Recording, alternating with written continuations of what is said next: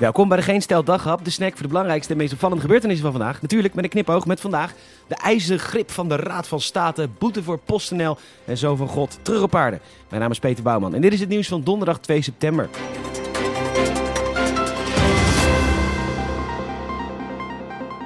De Kamer heeft normaliter 150 zetels en deze mensen controleren het kabinet. Tot voor kort, want toen waren er opeens drie Kamerleden die staatssecretaris werden, maar toch Kamerleden bleven. Die zichzelf dus moesten controleren en dat mag grondwettelijk niet volgens veel rechtsgeleerden. Want in feite heb je nu nog maar 147 Kamerleden die de macht controleren. Nou, dan vragen we het toch de Raad van State. En die kwamen dan ook met een zeer duidelijk en snoeihard antwoord. Het mag volgens ons wel of niet, geen idee, I guess. Maar het is wel een beetje ongelukkig, I guess. Nou ja, trots op onze Raad van State, I guess. Maar ondanks deze keiharde uitspraak van de Raad geven de drie bewindspersonen nu toch hun kamerzetel op. En dat is mooi. In Zeeland wonen heel veel bejaarden en heel veel bejaarden zijn heel dom. Die krijgen een appje van een vreemd nummer en die persoon vraagt dan om geld en dan maken ze het gewoon over. Of ze krijgen een belletje van de bank die hun pincode wil weten en dan geven ze die. Of er belt iemand aan en die laten ze dan gewoon binnen. Of ze laten mensen meekijken bij het pinnen of ze klikken op vage links. Nou, Omroep Zeeland laat weten dat er een oplossing is, de schijf van vijf. Die krijgen bejaarden in Goes nu thuisgestuurd en op die schijf staat... hey, al die fucking domme dingen die jullie doen, stop daar eens mee! In het artikel staat bovendien dat met name ouderen nog wel eens de dupe zijn van slimme dieven. Nee, wij zijn de dupe van domme bejaarden. Waar is de wet voltooid leven als je hem nodig hebt?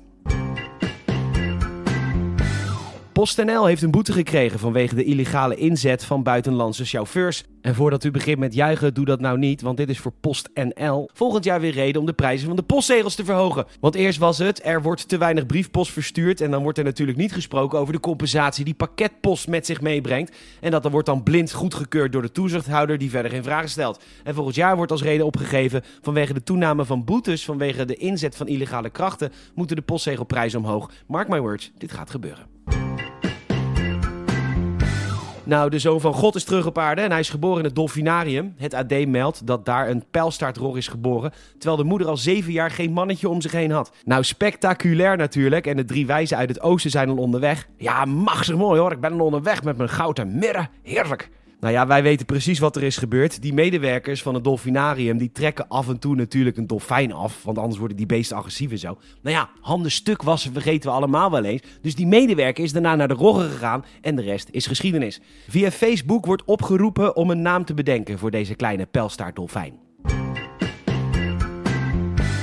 De Mirror geeft antwoord op de vragen die we altijd al hebben willen stellen. Wat gebeurt er met bepaalde spullen tijdens een crematie? Bijvoorbeeld metalen schijven. Nou, metalen schijven die willen dus niet branden en blijven dan over. Sterker nog, als familie mag je die dus terugvragen, zodat je de ijzeren knie op de schoorsteenmantel kunt plaatsen. Mooie herinnering aan oma. Maar dit terugvragen schijnt heel weinig voor te komen en dus is er een recycle-systeem op poten gezet, waardoor die knie van opa zomaar in een verkeersbord kan zitten. Het mooiste zou natuurlijk zijn in een maximaal 80 bord, omdat opa net 79 is geworden. Pacemakers worden verwijderd alvorens de crematie, omdat de batterijen ervan exploderen.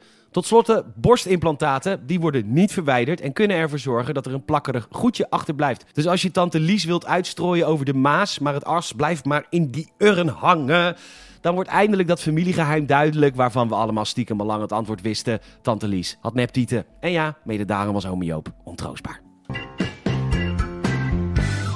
Bedankt voor het luisteren en zou enorm helpen als je een vriend of vriendin vertelt over deze podcast. Je kan ons een hartje geven in Spotify, ons volgen via een vriend van de show en een Apple Podcast review achterlaten. Zouden we heel erg waarderen komen, hoger in al die algoritmes en zo.